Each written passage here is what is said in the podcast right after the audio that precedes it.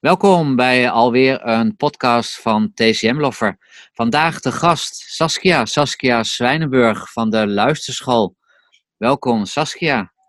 Ja, welkom. Dankjewel Owen. Ja, Ja, ik had, ja, ik had jou eh, uitgenodigd, want ik kreeg via een eh, vriendin kreeg ik, eh, zeg maar, te horen over, jou, over jouw luisterschool en over jouw bestaan. Zou je me daar wat over kunnen vertellen, over luisteren? Ja graag.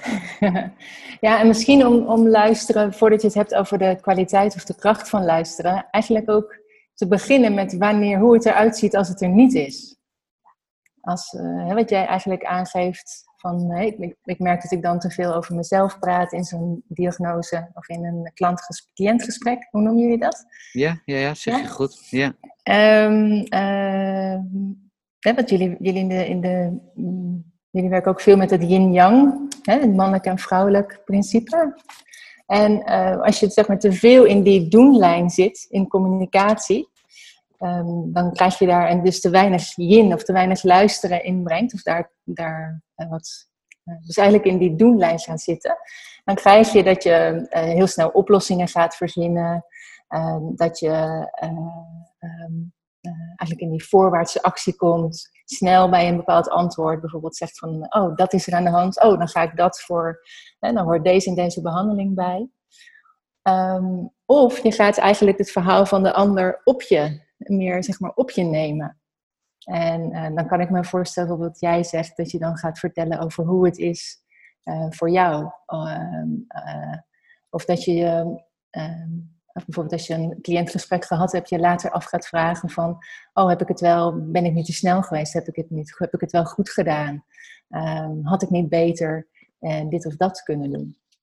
Ehm, dus het verhaal is eigenlijk als een soort, van de cliënt kan ook als een soort stop, zeg maar, als een, een stop op een fles op jouw systeem komen.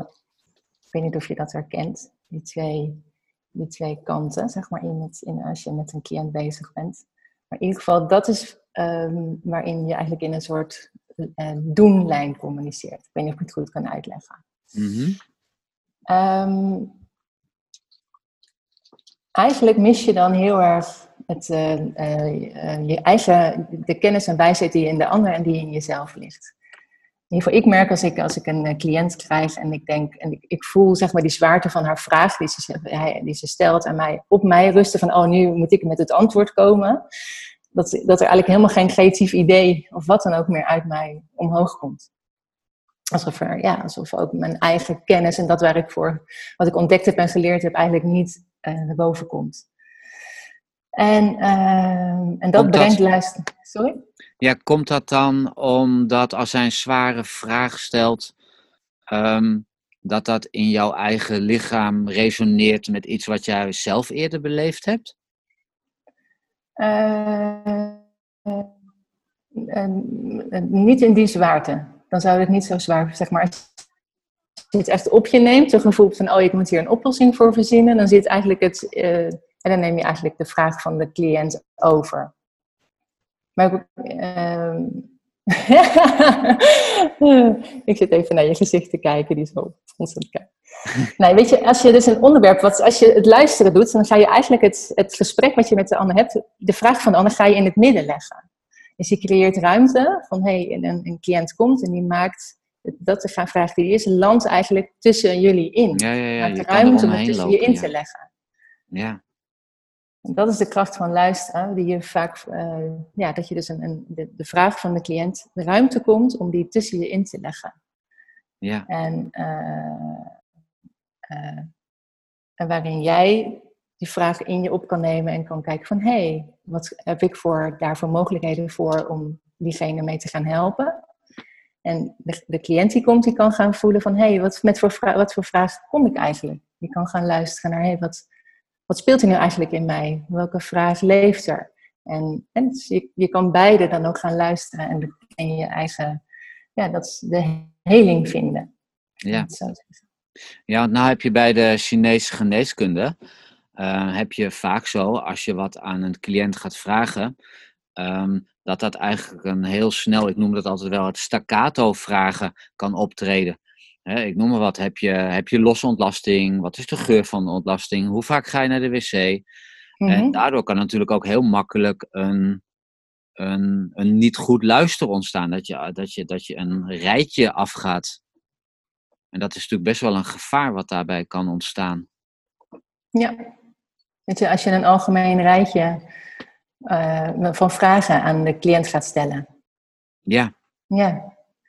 Nou, nou, dat komt denk ik omdat eh, in principe eh, iedere klacht er natuurlijk op zijn eigen manier uitziet.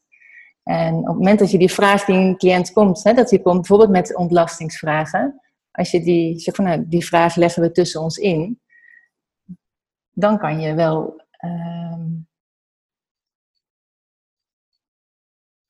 ja, dan krijg je in eerste instantie, als je vraag stelt van, goh, wat is, wat is je, wat, wat, waar kom je voor, wat is je probleem, krijg je natuurlijk antwoorden van je cliënt. ja, Ja. En dan is het bij luisteren heel erg om nieuwsgierig te zijn naar van, hoe ziet het er dan uit? Hoe is dat voor jou? Hoe is die klacht? Hoe zit dat in jouw lichaam en hoe is die klacht voor jou? Om daar nieuwsgierig naar te zijn, om daar vragen over te stellen. mhm, En ehm, ja, dat.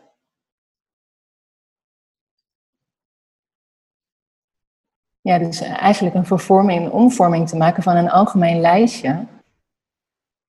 Naar nieuwsgierig te zijn naar, die, naar de beleving van, die, van de cliënt die tegenover je zit.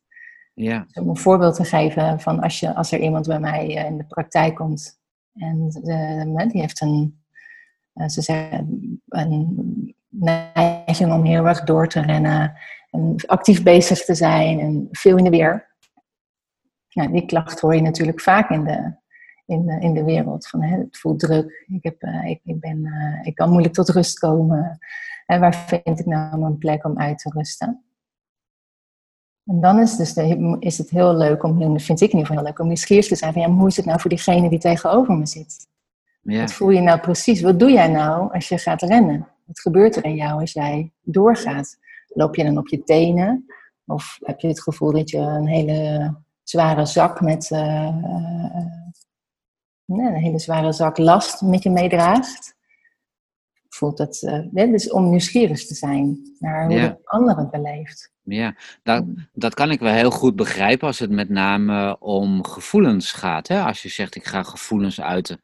Maar Mhm. als iemand komt met, eh, ja goed, ik gebruik nogmaals even het, ehm, het eh, losse ontlasting of zeg maar gewoon een stukje diarree, dan is dat eigenlijk een, een symptoom waarbij je dan een ja of een nee antwoord op wil hebben. En dan duik je eigenlijk zeg maar gewoon het symptoom, het symptoom zelf in. Hè? Hoe doe je dat dan? Dat je daarin duikt?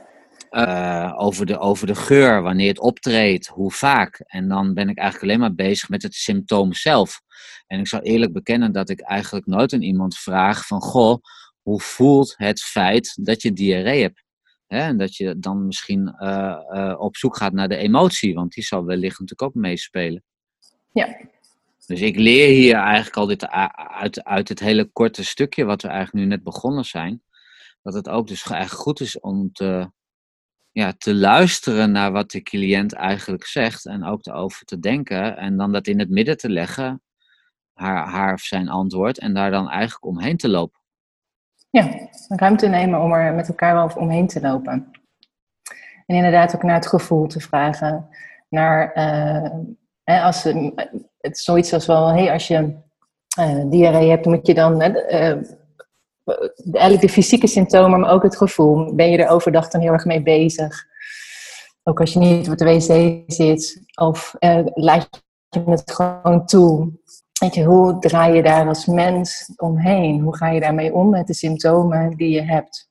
Ja. En um, wat je eigenlijk doet, en door uh, extra uitgebreid op die waarneming en hoe het voor iemand is te richten, is dat als iemand ergens mee zit, uh, uh, het vaak versnipperd is geraakt. Dus hij is vastgedraaid in, in, in, in een, bijvoorbeeld een uiting van diarree, wat, wat heel veel vraagt van zijn lichaam, misschien van onrust of niet naar buiten durven om naar de winkel te gaan, of omdat hij hè, dan de druk voelt en niet weet waar hij heen moet. En ja. dat verhaal, zeg maar, te verzamelen, geeft iemand weer houvast in zijn eigen ja, proces of in zijn eigen fysieke klacht die hij heeft.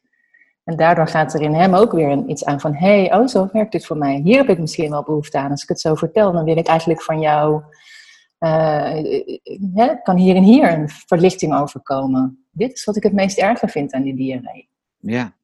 Hmm. Is, uh, is, is luisteren dan eigenlijk een empathische vaardigheid? Uh, in, in die zin dat ik eh, voor mijn gevoel luisteren een, een eigenlijk een vrouwelijk principe is uh, van, het, van, de, van, de, van het gesprek. En daar zit sowieso, heb je daar meer, die empathie zit daar meer in. Ja, maar het is vooral hierin, in waarnemen, is vooral nieuwsgierig zijn. Eigenlijk vooral nieuwsgierig zijn van oké, ik heb zes dingen verzameld. Ik heb gehoord dat hij last van diarree heeft, dat het zo en zo ruikt, dit en dat. Maar wat als ik nou vanuit deze zes nog vier andere extra dingen erbij ga zoeken? Vragen ga stellen, zodat diegene me nog vier nieuwe dingen gaat vertellen hierover. Dat is echt, daar liggen de, de ja, de, uh, dat in wat, wat het de klacht eigen maakt voor jouw cliënt. En waardoor je nog beter je diagnose kunt gaan stellen. Ja. Ja. Um, we gaan te snel naar de diagnose vaak. Hè? Je hebt een bepaald pakketje, oh, dit en het. En oh, dat zal dan wel, nou, dan kan ik je hiermee helpen. Maar die fine-tuning, die dus door het luisteren, door het nieuwsgierig zijn, door het vragen stellen is.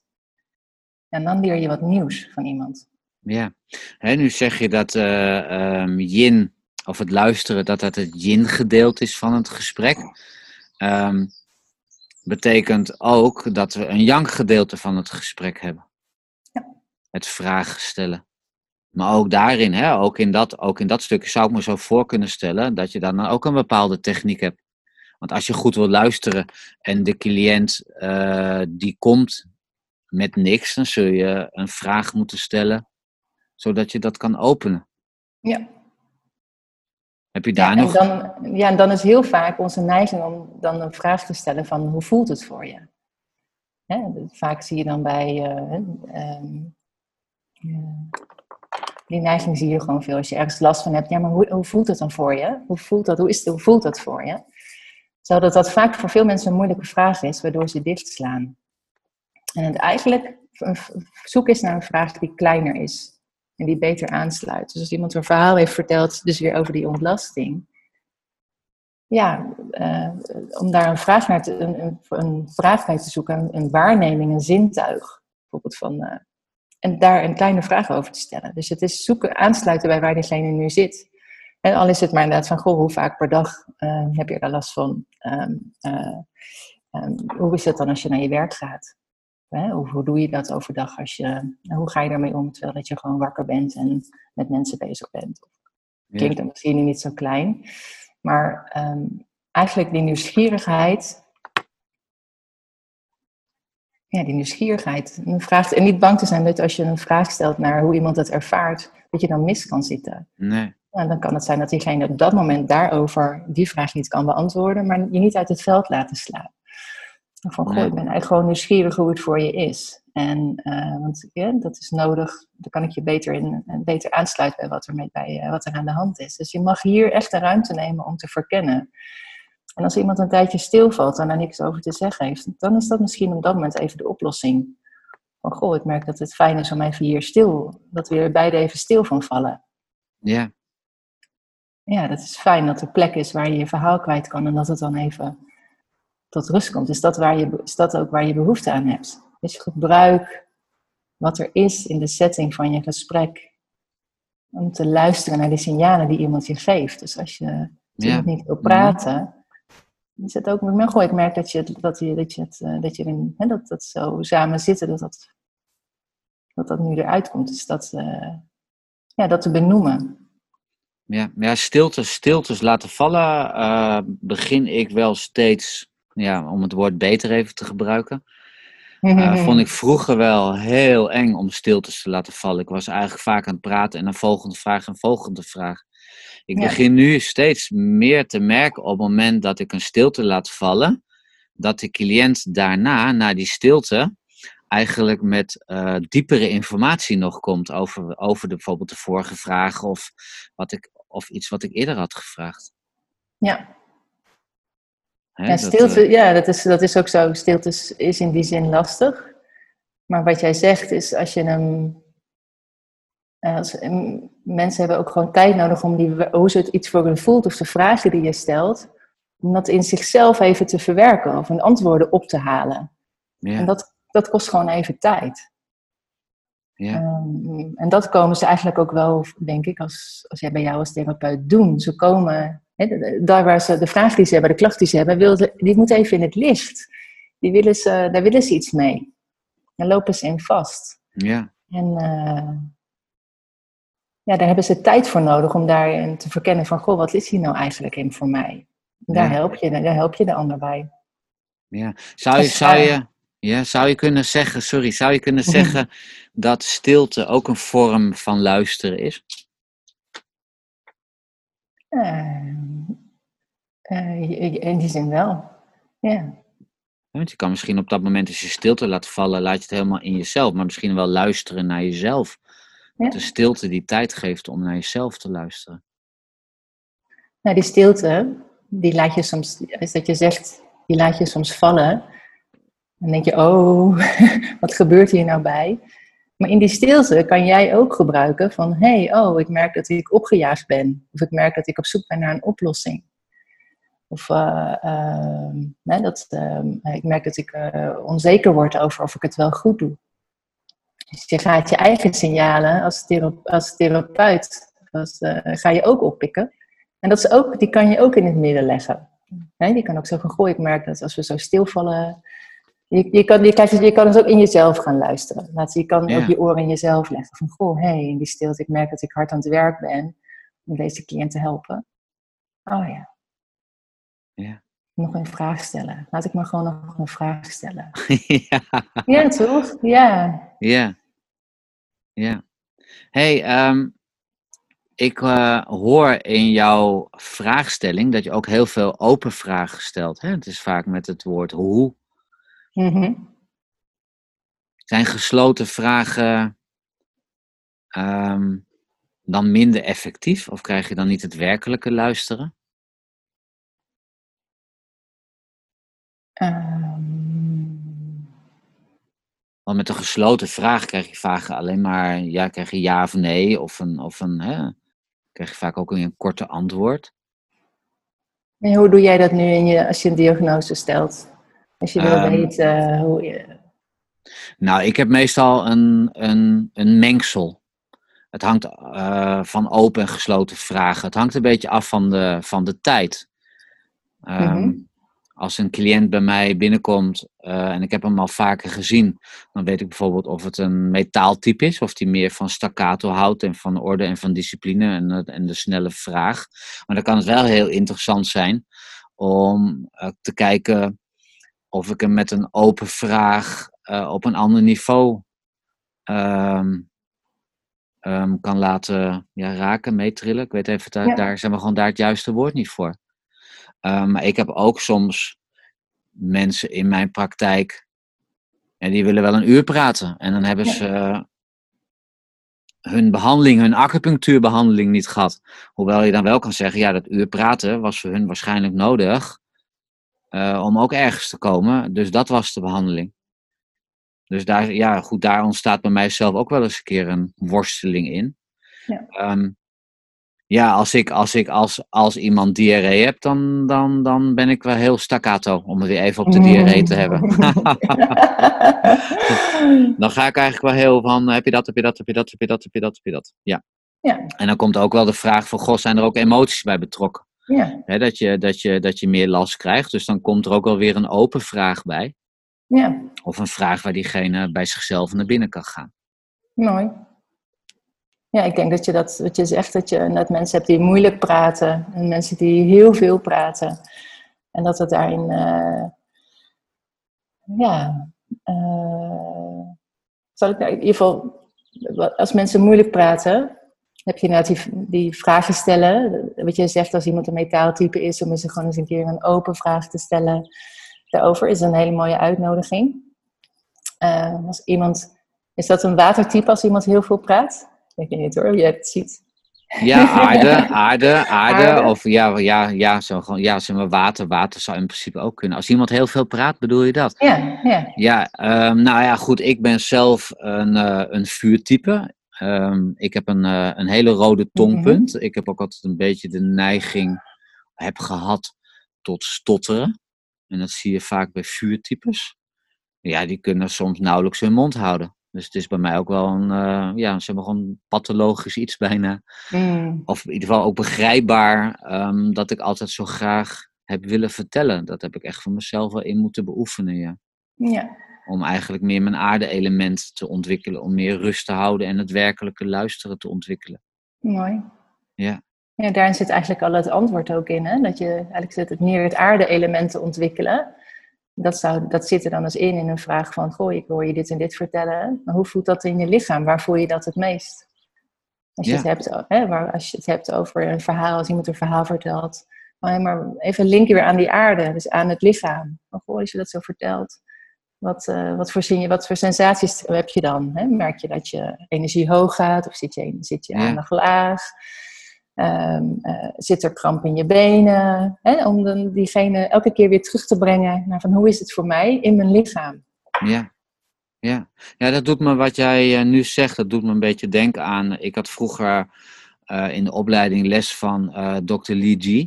En die maakte eens een keer een tekeningetje op het bord. En dat ging ook over luisteren. En die tekende Mhm. toen, een, eh, toen een poppetje met, eh, hè, zeg maar, met grote oren.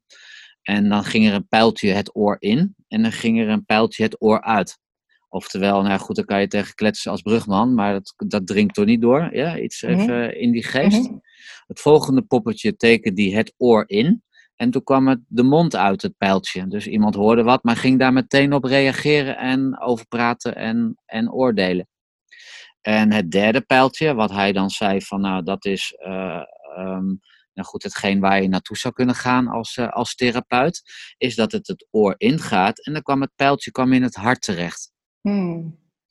Dus eigenlijk dat je werkelijk luistert naar wat er gezegd wordt en dat eigenlijk ook in je, ja, dat je ook met je hart luistert, maar ook met je hart kan antwoorden. Ja.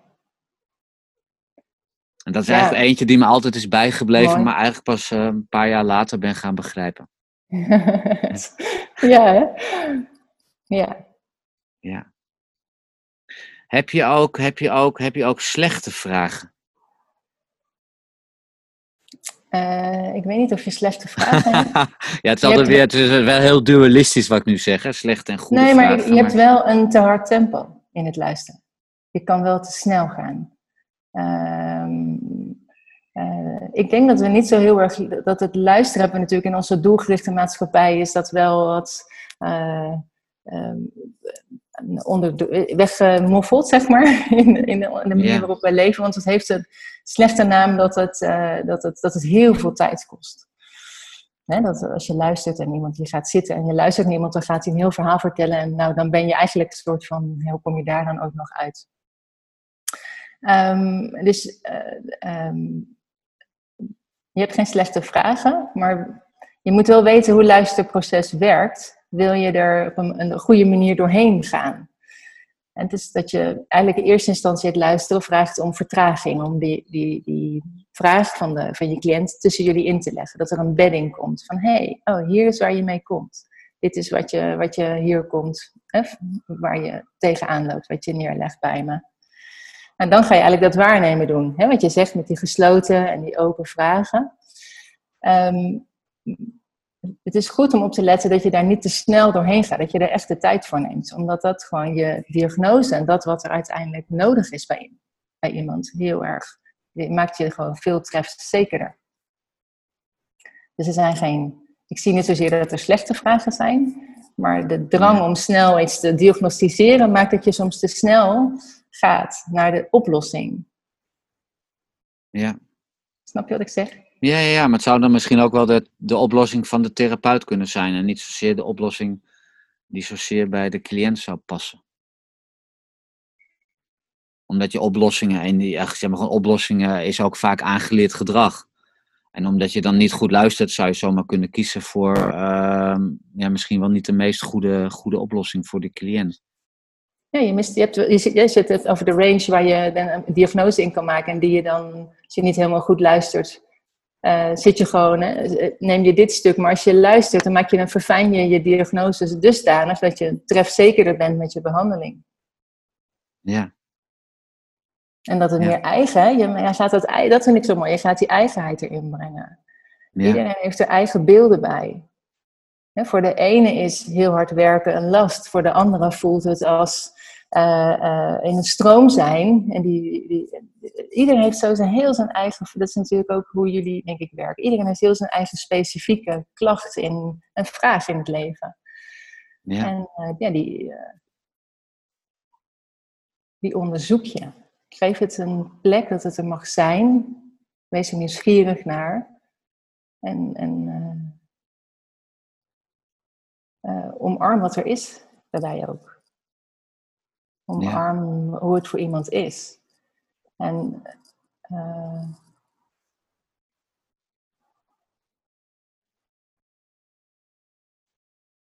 ja, dat is, uh, ja, dat vind ik een hele mooie van het luisteren. Dat eigenlijk alles er mag zijn, zonder oordeel. Ja. En dat is heel belangrijk, want in, het, in dat wat lastig is voor iemand, of waar iemand misschien zelf al een oordeel over heeft, van goh, ik ren ook altijd zo hard, of ja, ik zet ook altijd zoveel druk. Ja, daar, daar, daar, zit die, daar komt die vastigheid in, daar staat iemand zich in vastzetten.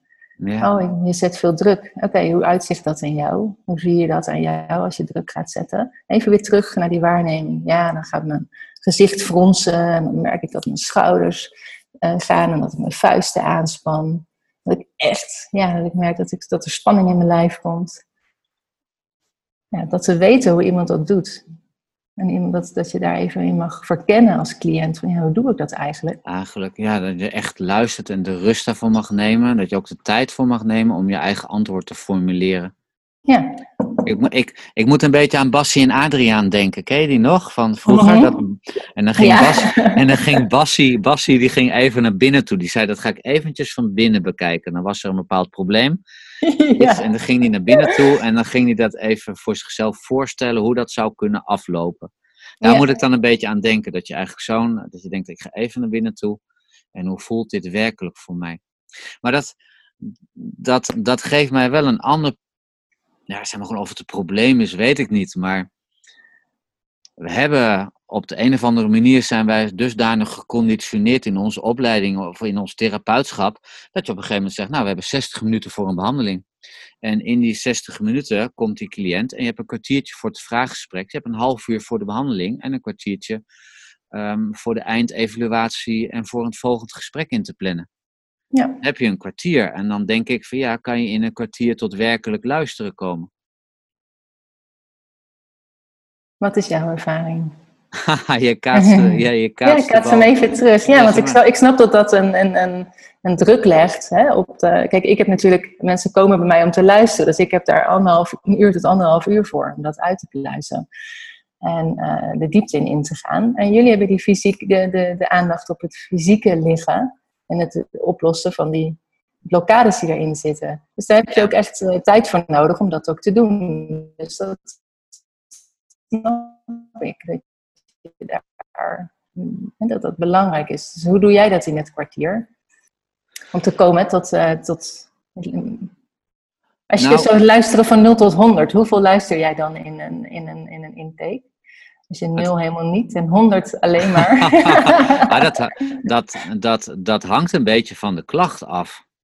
Als iemand, als iemand een emotionele klacht heeft, dan, dan, dan, dan, gaan we, dan ga ik meer op het gevoel. En dan is, de, dan is het stukje luisteren um, ook groter. Als iemand last heeft van zijn schouder, dan is dat uh, ja, meer een klacht ook op het fysieke lichaam. Mm En ja, dan, maar, dan, maar dan heb ik dat trouwens ook dat tijdstuk niet, omdat ik dan aan het masseren ben en dan altijd nog wel eventjes zeg maar, gewoon doorvraag. Um, ik moet het even, ik moet even goed, uh, goed voelen wat jij nu, uh, wat je, wat je nu zegt. Um, ik word eigenlijk de laatste jaren word ik geconfronteerd eigenlijk met het feit dat jij de Chinese geneeskunde kan bedrijven op aardeniveau. Wat zoveel wil zeggen, je gaat met de symptomen bezig en die symptomen die verlicht je of die haal je weg bij die cliënt. Mhm. Maar je kan ook uh, uh, acupunctuurbedrijven of Chinese geneeskunde bedrijven en eigenlijk op een voorhemelsniveau. Oftewel, je gaat eigenlijk op zoek naar de, naar de emoties, naar de emoties ehm, waarmee de mensen hier op aarde zijn gekomen. Oftewel, uh, als voorbeeld, of jij, jou, of jij jouw pad wel loopt. doe jij in jouw leven wat jij graag zou willen doen? Mhm. En ja, toen ben ik er eigenlijk ingedoken. En ja, dan kom ik eigenlijk steeds meer achter dat de acupunctuurpunten uh, voor het overgrote deel een, een, een, een, een mentale of een psychologische werking hebben van origine. En dat acupunctuur eigenlijk veel meer gericht op het voorhemelsniveau. En dat wij hier nu in het Westen eigenlijk verwesterse acupunctuur aan het doen zijn, namelijk symptomen. Zodat wij de acupunctuur netjes kunnen laten inpassen in het westers model. Mm. En dat is eigenlijk waar ik eigenlijk dan nu, uh, nu een beetje achter kom. En nou ja, ik heb in mijn acupunctuurpraktijk doe ik ook ademtherapie. Mhm. En ja, daar ben ik totaal anders bezig. Dan heb ik totaal andere puntkeuze. En ook een totaal ander, ander uh, ja, ja, daar zit er een totaal andere therapeut. En dan zit er een luistertherapeut en dan zit er een meevoeltherapeut. Ja. En als iemand komt van, uh, joh, help mij binnen, binnen acht weken van mijn di diarree af, want uh, ja goed, ik kan niet meer naar mijn werk. Um, ja, dan zit ik toch wel anders. Dan zit ik daar toch wel met een andere pet op. Hoewel ik dat petje dan wel probeer om te draaien. Tijdens, de, tijdens die tijd dat ik een ontmoeting mag hebben met mijn cliënt. hè, tijdens, die, tijdens die acht weken. Dat ik hem misschien toch wel ook gewoon kan raken op, uh, of laten, laten, laten voelen ehm, nou goed, hoe die in het leven staat en of dat wel goed, of dat, ja, goed wat hij ervan vindt, hoe dat, hoe dat voor hem voelt. Ja. Dus hij is bij mij zelf wel een verandering in gaande. Maar dat, zeg gewoon, dat wisselt een beetje. Ik heb dan ja, ja, goed, verschillende pet op of ik kijk door verschillende brillen heen. Ja. Ja, ik, uh, wat ik zelf in het luisteren merk, in het luisterproces, is als mensen met dingen uh, vastlopen, dat, het een, dat ze vaak polariseren. Dus dat, ze, dat er. Um, even kijken of ik daarmee in instantie reageer op jouw vraag. Ja, wat jij nu zegt. Um, wat, ik jou, wat ik jou hoor zeggen is eigenlijk zoals bij die, diegene die dan komt met die schouderpijn en daar behandel je eerst de schouder van. Dat je dan gaandeweg het traject wat je met hem doet eigenlijk in die andere lagen hè, terecht gaat komen. Misschien gaan we echt afspraken dat je andere gesprekken gaat krijgen. Maar dat in eerste instantie bij de eerste gesprek dat je je richt op de fysieke klacht die er, eh, die er is. Ja. Op dat moment. En dat dat gewoon zo aanstaat bij iemand. Ja, dat is gewoon een, een, Ik denk dat je daar een gelaagdheid ook in hebt. In hoeverre je daar toegang toe hebt bij iemand. En als die lichamelijke spanning heel hoog is. waarom zou je dat iemand onthouden om daar uh, verlichting in te brengen omdat je wil luisteren. Hè? Als, die spanning in, dat, in het fysiek hoog is, dan help je iemand heel erg door die blokkade te verminderen, waardoor er ruimte komt, ook voor ja. jezelf, om te gaan luisteren. Dus het is niet zo dat, ja, dat is, dat is mooi om hoe je daarin zoekt naar een balans van, hé, hey, wat heeft, heeft, iemand nodig?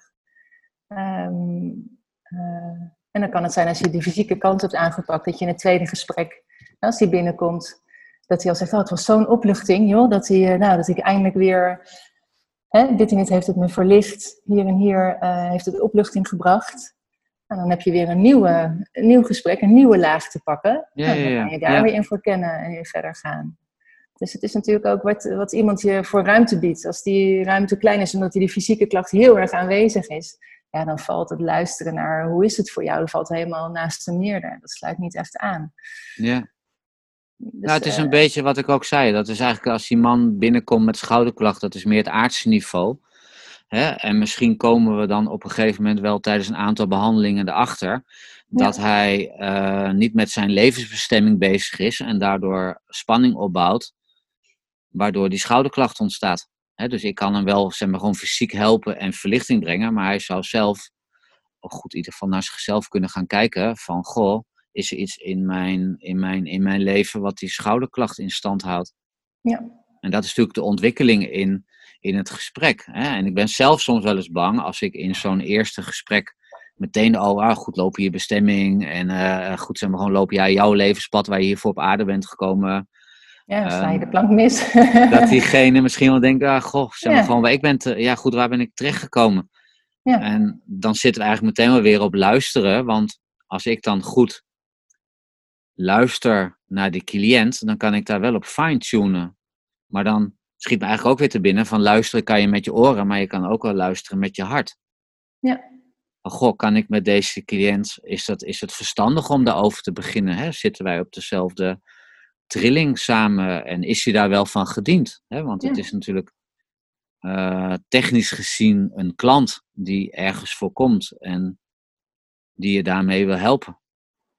Nou, als ik jou zo voel, dan, hoor, dan voel jij aan in, van een cliënt hoeveel ruimte er is. Hè? Of het helemaal een fysieke vraag is, of of er ruimte komt voor andere beleving voor een gevoel daarover, of voor, hè, voor, een, voor, een, voor een meer bezielingspad. Ja. En uh, ja, dat is ook aansluiten bij wat er is. Dus als, jij iemand, als iemand zijn fysieke klachten heeft en hij praat erover en hij blijft, hè, die vertelt dat fysieke heel erg, oh, dat voelt zo zwaar en het zit echt, het drukt op mijn schouders en ik kan nergens meer heen. En, ja, dan is dat wat er nu aanstaat bij iemand. Dus dan is het luisteren daarnaar van, goh, ik merk dat het fysiek het zwaarste is voor je nu. Ja, als we daar nu eens beginnen in verlichting in te brengen, dan kunnen we straks de volgende keer kijken.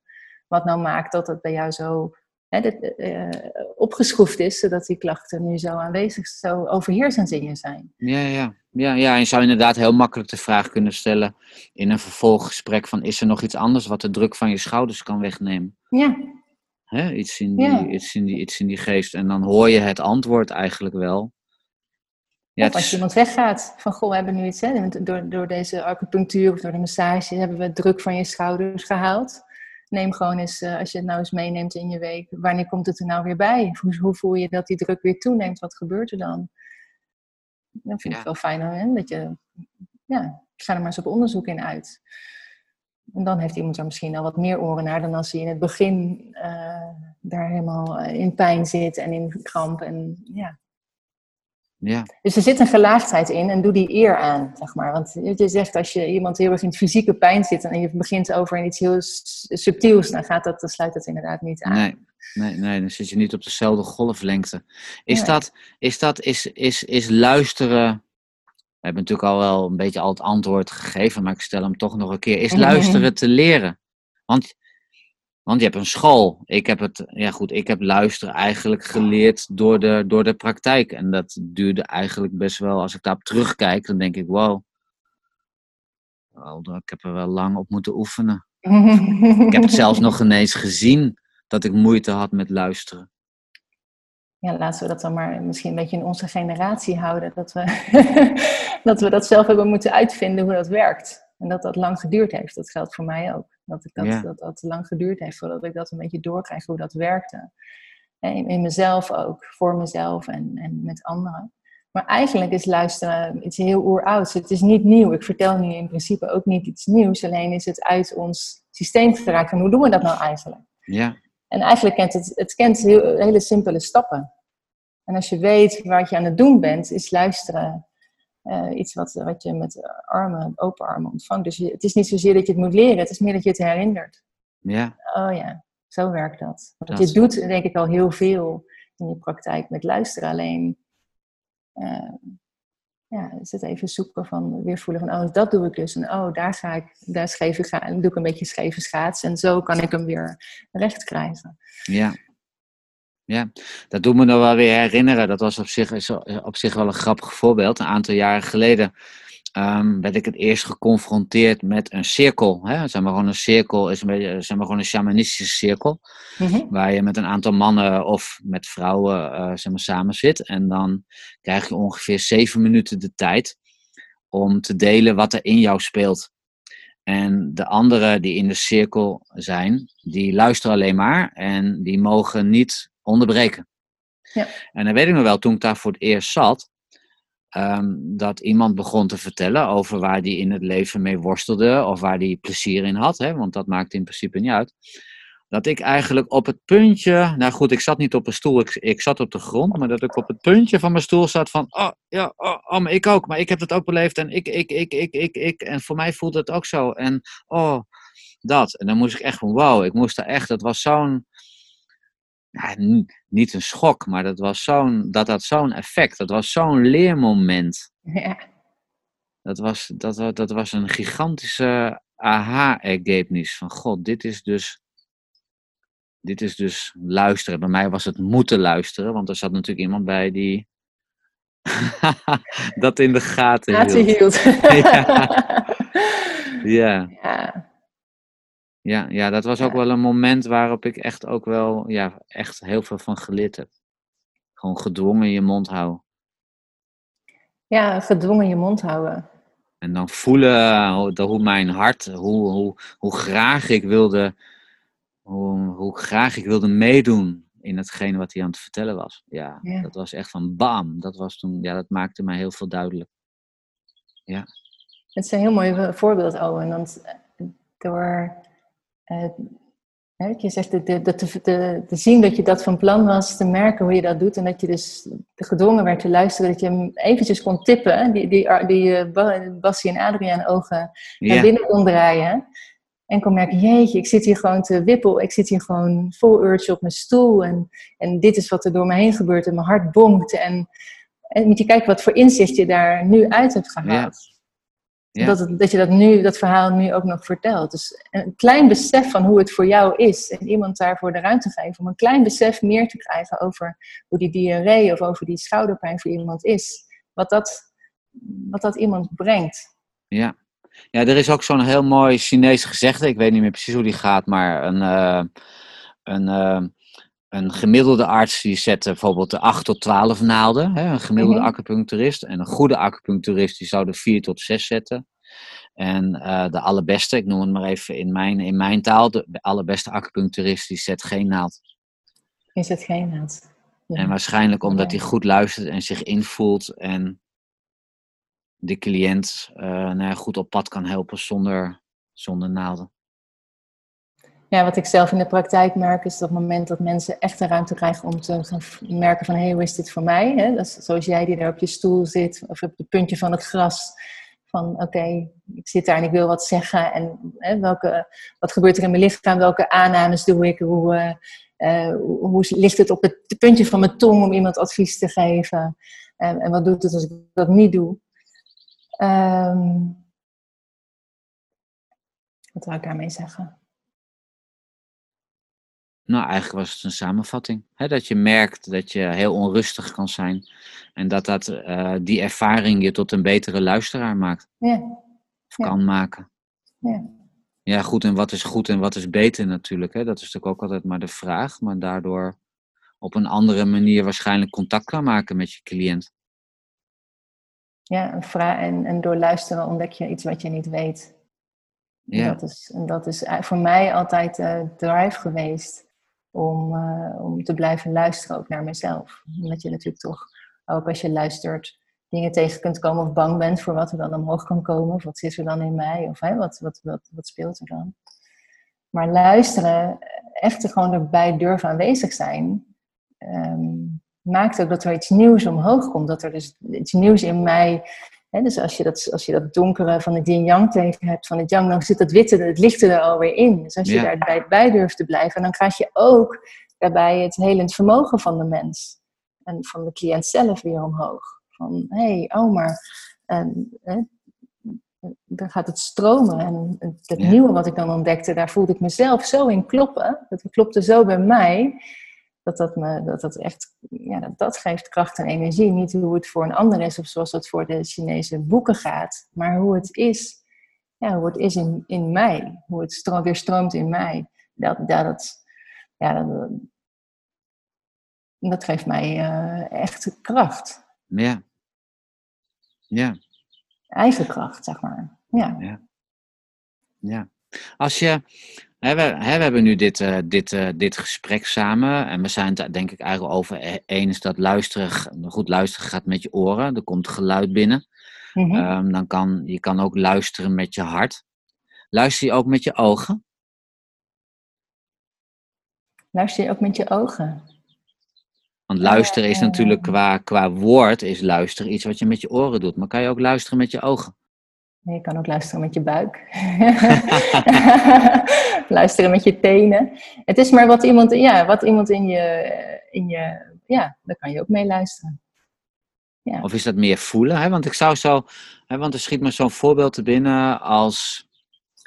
Als je met iemand een gesprek hebt. Hebt, dan kijk je bijvoorbeeld, dan kijkt die cliënt steeds van je weg. Of hij kijkt steeds omhoog. Of hij kijkt naar de grond dan krijg je ook dan wel een bepaald gevoel of misschien een bepaalde, ja, of het luisteren kunnen noemen, weet ik niet. Ja, het is het waarnemen, hè? het is het verhaal compleet maken van iemand. Ja, ja. ja, ja, luisteren is eigenlijk ook waarnemen, ja. Ja. Ja, en luisteren is ook naar iemands postuur kijken, naar iemands houding. En eigenlijk het allemaal verzamelen. Ja. ja. dus het luisteren met je ogen kan in die zin ook. Je kan ook luisteren met je neus. en, ja. Ja. Ja, want je zit dan meteen naar gezegdes en spreekwoorden te, te, te zoeken. Hè? Van dat luistert nou. En, en want komt ik ook in andere dingen, in andere dingen weer terug. Ja. Ja. Hé, hey, maar jij hebt ook een, uh, ook een luisterschool, hè? Want daar hebben we het eigenlijk helemaal nog niet over gehad. Een school voor leren luisteren. Ja. Hoe werkt dat? Hoe luistert dat? Um, het, luistert, eh, het fijn. um, ja, ik ben daarmee. Ik, het luisteren is in eerste instantie wat ik ontdekt heb toen ik zelf in een hele moeilijke periode kwam. Want ik burn-out raakte en in een scheiding terecht kwam. En ik eigenlijk merkte dat ik alleen maar op de bank kon liggen en naar mezelf kon luisteren. Eigenlijk maar mijn ogen kon sluiten en gewoon er maar mee zijn met wat er in me was. En uh, dat het elke keer me opluchtte ik kon ook niet zoveel anders. Ik, was vooral, ja, ik was zo moe van alles dat ik alleen maar kon liggen. Dus ik heb dat eigenlijk voor mezelf maakte dat, dat het uh, elke keer tot rust kwam, dat ik tot rust kwam. En dat ik weer uh, energie kreeg, of een beetje zicht van, oh, zo wil ik het doen. Of, oh, dit is uh, wat, ik, wat ik nodig heb. Zo ging ik ooit een keer naar de wilde ik mijn muur schilderen van mijn onderhuurflatje waar ik in zat. En ik wilde weten dat ik wilde een mooie kleur erop. Dus ik was naar de Gamma gegaan en ik had het hele arsenaal van kleuren die je, van, die je bij de Gamma kan kopen voor op je muur. Allemaal zitten kijken en ik wist bij God niet wat ik nou wilde. Dus ik nou, ik ga maar weer naar huis. Dus ik ben naar huis gegaan en op de bank gaan zitten.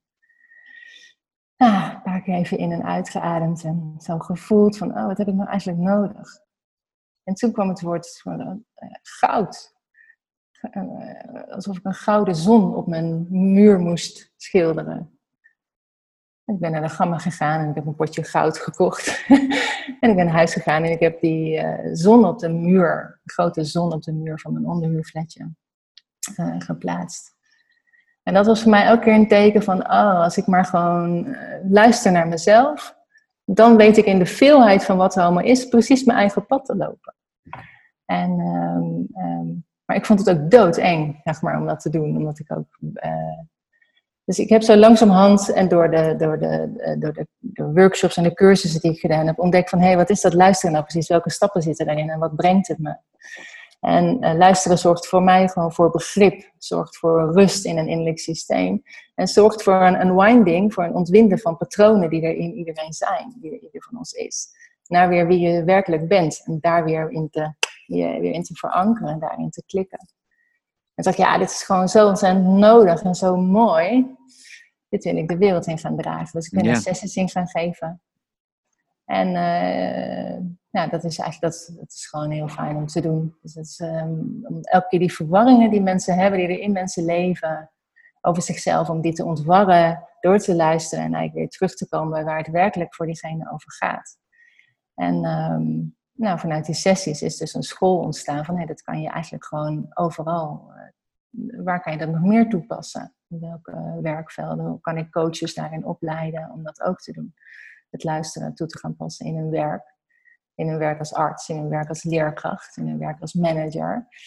Wat brengt dan de kracht van vertraging? Als je even vertraagt en waar gaat nemen waar je bent, in plaats van dat je dus een kip zonder kop op, het, op die koers die je hebt, maar doorloopt in de hoop dat het weer beter wordt. Ja, dus zo is een luisterschool ontstaan. Omdat mijn missie is om weer het luisteren weer terug te brengen in de wereld. Omdat het voor mijn idee de oplossing is, of een oplossing, maar wel een hele krachtige, naar het, alle verwarringen en verschillen die we nu hebben, om die weer, daar weer iets nieuws in te vinden, elkaar in te ontmoeten en een nieuwe oplossing in te vinden die we nodig hebben in de wereld. Dus vandaar mijn uh, luisterschool. Dus mij is het gewoon hard nodig. Ja. ja. En, en, en is dat dan te zien als een, als, een, als, een, als, een, als een opleiding die zegt ik ga er één keer in de maand naartoe? Of, zo even een heel praktische vraag opeens, maar...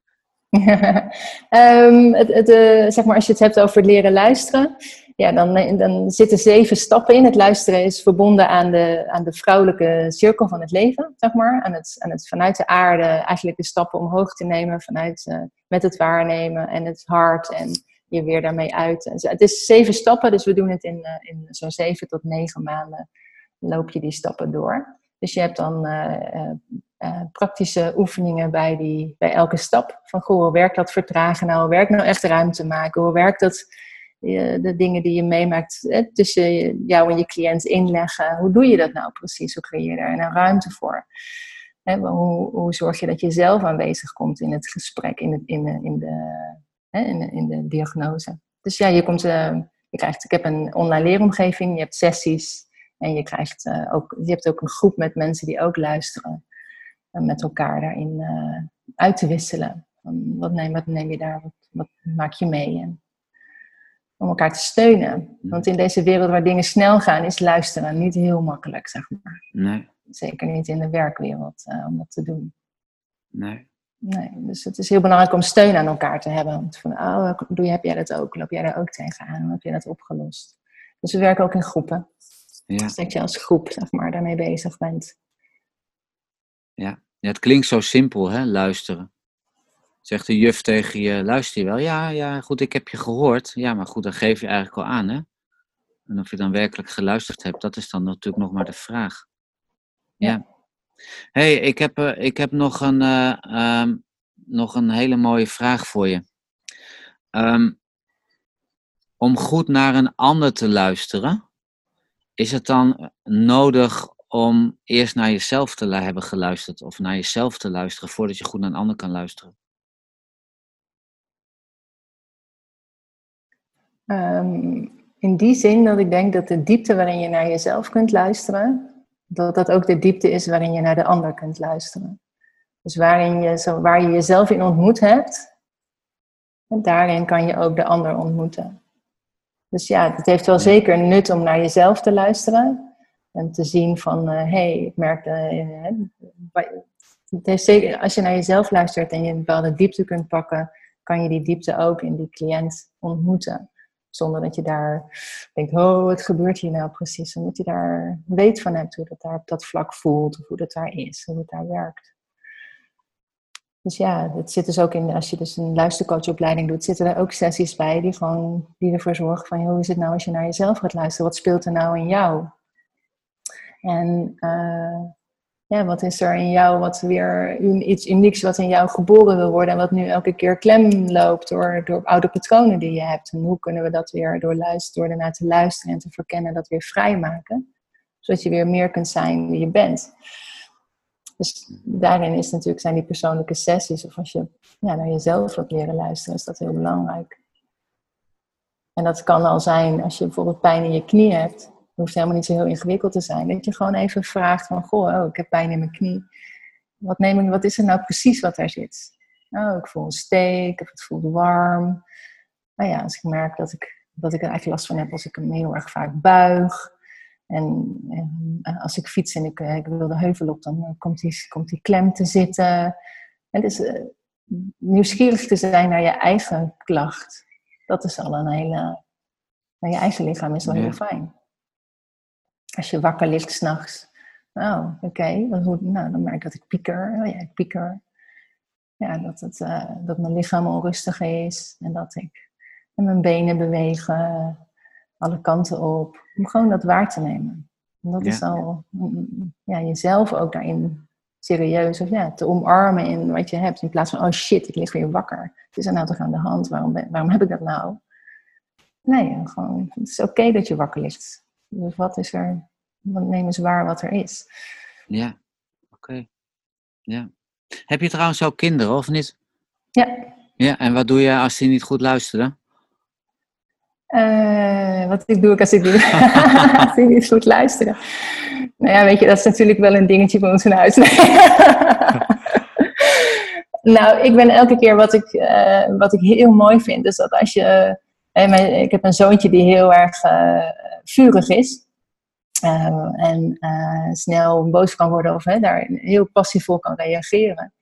En um, uh, ik als, als wat meer wat gemoedelijke structuur, zeg maar, die kan dan, oh, wat ben je nou aan het doen? Doe niet zo, hè, zo verhit. Doe eens rustig aan. Dus de neiging om dat te doen. En dan zit er alweer gelijk zo eventjes dat ja, oordeel als je op. nu niet luistert. Als je nu niet luistert naar. Nee. Maar als ik dan naar hem toe ga en ik neem er dus, ik vertraag en ik ga even naar hem toe en ik zeg van goh, uh, als hij dan boven ligt omdat hij zijn deur heeft dicht gedaan omdat hij even niet uitkomt wat was er nou precies? Nou, ondertussen zijn ze wel gewend om een verhaal te vertellen in die zin. Dan komt er altijd iets uit wat ik totaal niet had gedacht dat hij Ja. daarmee bezig was. Ja, En dan is het altijd van, ja, maar, maar, maar, maar mijn zus die zei dat ze, we hebben zo lang dit gedaan en nou wil ik een keertje opgesloten worden in de boomhut. Zo was het gisteren. Nou wil ik een keer in die boomhut, zodat, zodat zij mijn vet moeten mesten als, eh, als bij, eh, hoe heet het? In dat sprookje van Hans en Grietje. En nou stoppen ze ermee, weet je wel? ja, Ik had alleen maar gezien dat hij, dat hij hun te lijf ging, zeg maar, met zijn vuist. ah, ik doe. Dus je bent verneigd om Ja. dat te veroordelen. Terwijl dat als je daar ruimte voor maakt, daar een heel mooi, voor heel, heel ja, mooi zijn belevingen voorkomt. En dan is er heel snel een oplossing. ja. Ja, Michael Brown beschrijft het in zijn boek. Ik weet niet of je het boek kent van The Presence Process. Die beschrijft dat eigenlijk, hè, dat, dat wat jij nu beschrijft, als eh, dat je niet moet reageren. Dus eigenlijk zeg maar gewoon je reactieve gedrag. ehm, eigenlijk even moet laten voor wat het is, om het maar even kort door de bocht te zeggen. En dat je eigenlijk eh, even die rust, die stilte moet nemen. eh, en dan dat je daarna eigenlijk dan werkelijk kan antwoorden op de Ja. situatie. Dus eigenlijk zeg maar gewoon eerder responsief kan zijn. Ja, Ja. En dat is natuurlijk ook, Ja. dat is in, anders blijf je in deze lijn zitten. En als je inderdaad wat, hè, dat is, ja, dat betreft voor het luisteren van heel veel hoeken zie je hetzelfde. Want als er even rust is, je gaat waarnemen hoe het voor hem is, of je vraagt, je bent nieuwsgierig naar hoe het voor hem is, komt er een arsenaal aan mogelijkheden naar boven. ja, En dan komt er ook een reactie die ook meer bij hem past en meer bij mij past. En die, die gewoon eh, weer, eh, waardoor je weer verder kan, waardoor het weer kan stromen. ja, Dus eh, ja, je krijgt meer eigenheid in de wereld. Je krijgt minder afzet, minder, minder veroordelen, minder van... Hè, wat een neiging kan zijn voor mijn zoontje. Van, ah, hij wordt altijd zo boos. Altijd zo snel dat hij daar... Dat, hij, eh, hè, dat beeld kan je erop plakken. Dus het is wel lastig dat hij zo snel boos wordt. En hij reageert altijd zo heftig. Maar hij heeft altijd een verhaal. En wees daar dan nieuwsgierig naar. nee. Ja. Daardoor, daardoor elke keer wordt het weer helder wat er gebeurt. En, en on- ontspant dat, die boosheid in hem gelijk. Ja. Ja, dat vind ik echt wonder, wonderbaarlijk. Hey, als ehm, luisteraars van de podcast eh, meer van jou willen weten, want waar kunnen ze jou allemaal vinden of waar kunnen ze vinden? op www, op mijn website www.saskiaswijnenburg.nl En eh, daar eh, vinden ze alles over. Er zijn ook blogs, video's. Ehm, we kunnen een, binnenkort komt er een nieuwe website online. En kunnen ze ook eens een meditatie downloaden. Van, hè, om eigenlijk eens neer te strijken als je altijd het gevoel dat je druk bent. Om jezelf de tijd te geven om eens even te landen en neer te strijken. Even op adem te komen. En eh, ja, te gaan ontdekken wat, je dan, eh, wat er dan speelt in jou. Wat voor wens je misschien hebt of waar je tegenaan loopt. Ja, Daar eh, ruimte voor te hebben. Om, ja, ruimte voor je verhaal, zodat je daarin kan, zelf ook verder in kan komen. En eigenlijk je eigen antwoorden in kunt horen, want die zijn gewoon het allerbeste. Het meest passend en eh, helpend. mooi. Ik ga jouw eh, website sowieso noemen of neerzetten in de show notes. Mhm. Hè, de show notes, daar kunnen de, de, de, de luisteraars jouw eh, website en gegevens op terugvinden. Dus dan kunnen ze eigenlijk via die link kunnen ze jouw website vinden. Ja, super. Ik dank je, ik dank je heel erg hartelijk voor dit. Uh, ik hoop dat ik goed geluisterd heb. ja, maar dan ben ik dus heel benieuwd. Als je, dit zo, als je nou zo dit gesprek hebt gehad, wat neem jij daar nou uit mee? Wat is dat nou in je, wat, wat is waar jij denkt van hé, hey, daar. Uh, dat raakt me of dat. Nou, ik kom er, ik kom in ieder geval sowieso wel of achter, of het wordt bij mezelf wel weer benadrukt, dat luisteren en de stilte laten vallen, mhm. dat dat uh, nou van wezenlijk belang kan zijn. Uh, en dat dat jouw cliënt, hè, laten, als het, uh, laten we even in de therapeut-cliënt verhouding zien, dat dat de cliënt juist enorm verder kan helpen door de stilte te laten vallen. Doordat je dan de cliënt een andere laag aanbiedt. En dat dat, ja, dat, dat wel echt, uh, ja, dat je dat goed, nou ja, de tijd voor mag nemen om dat te laten ontstaan.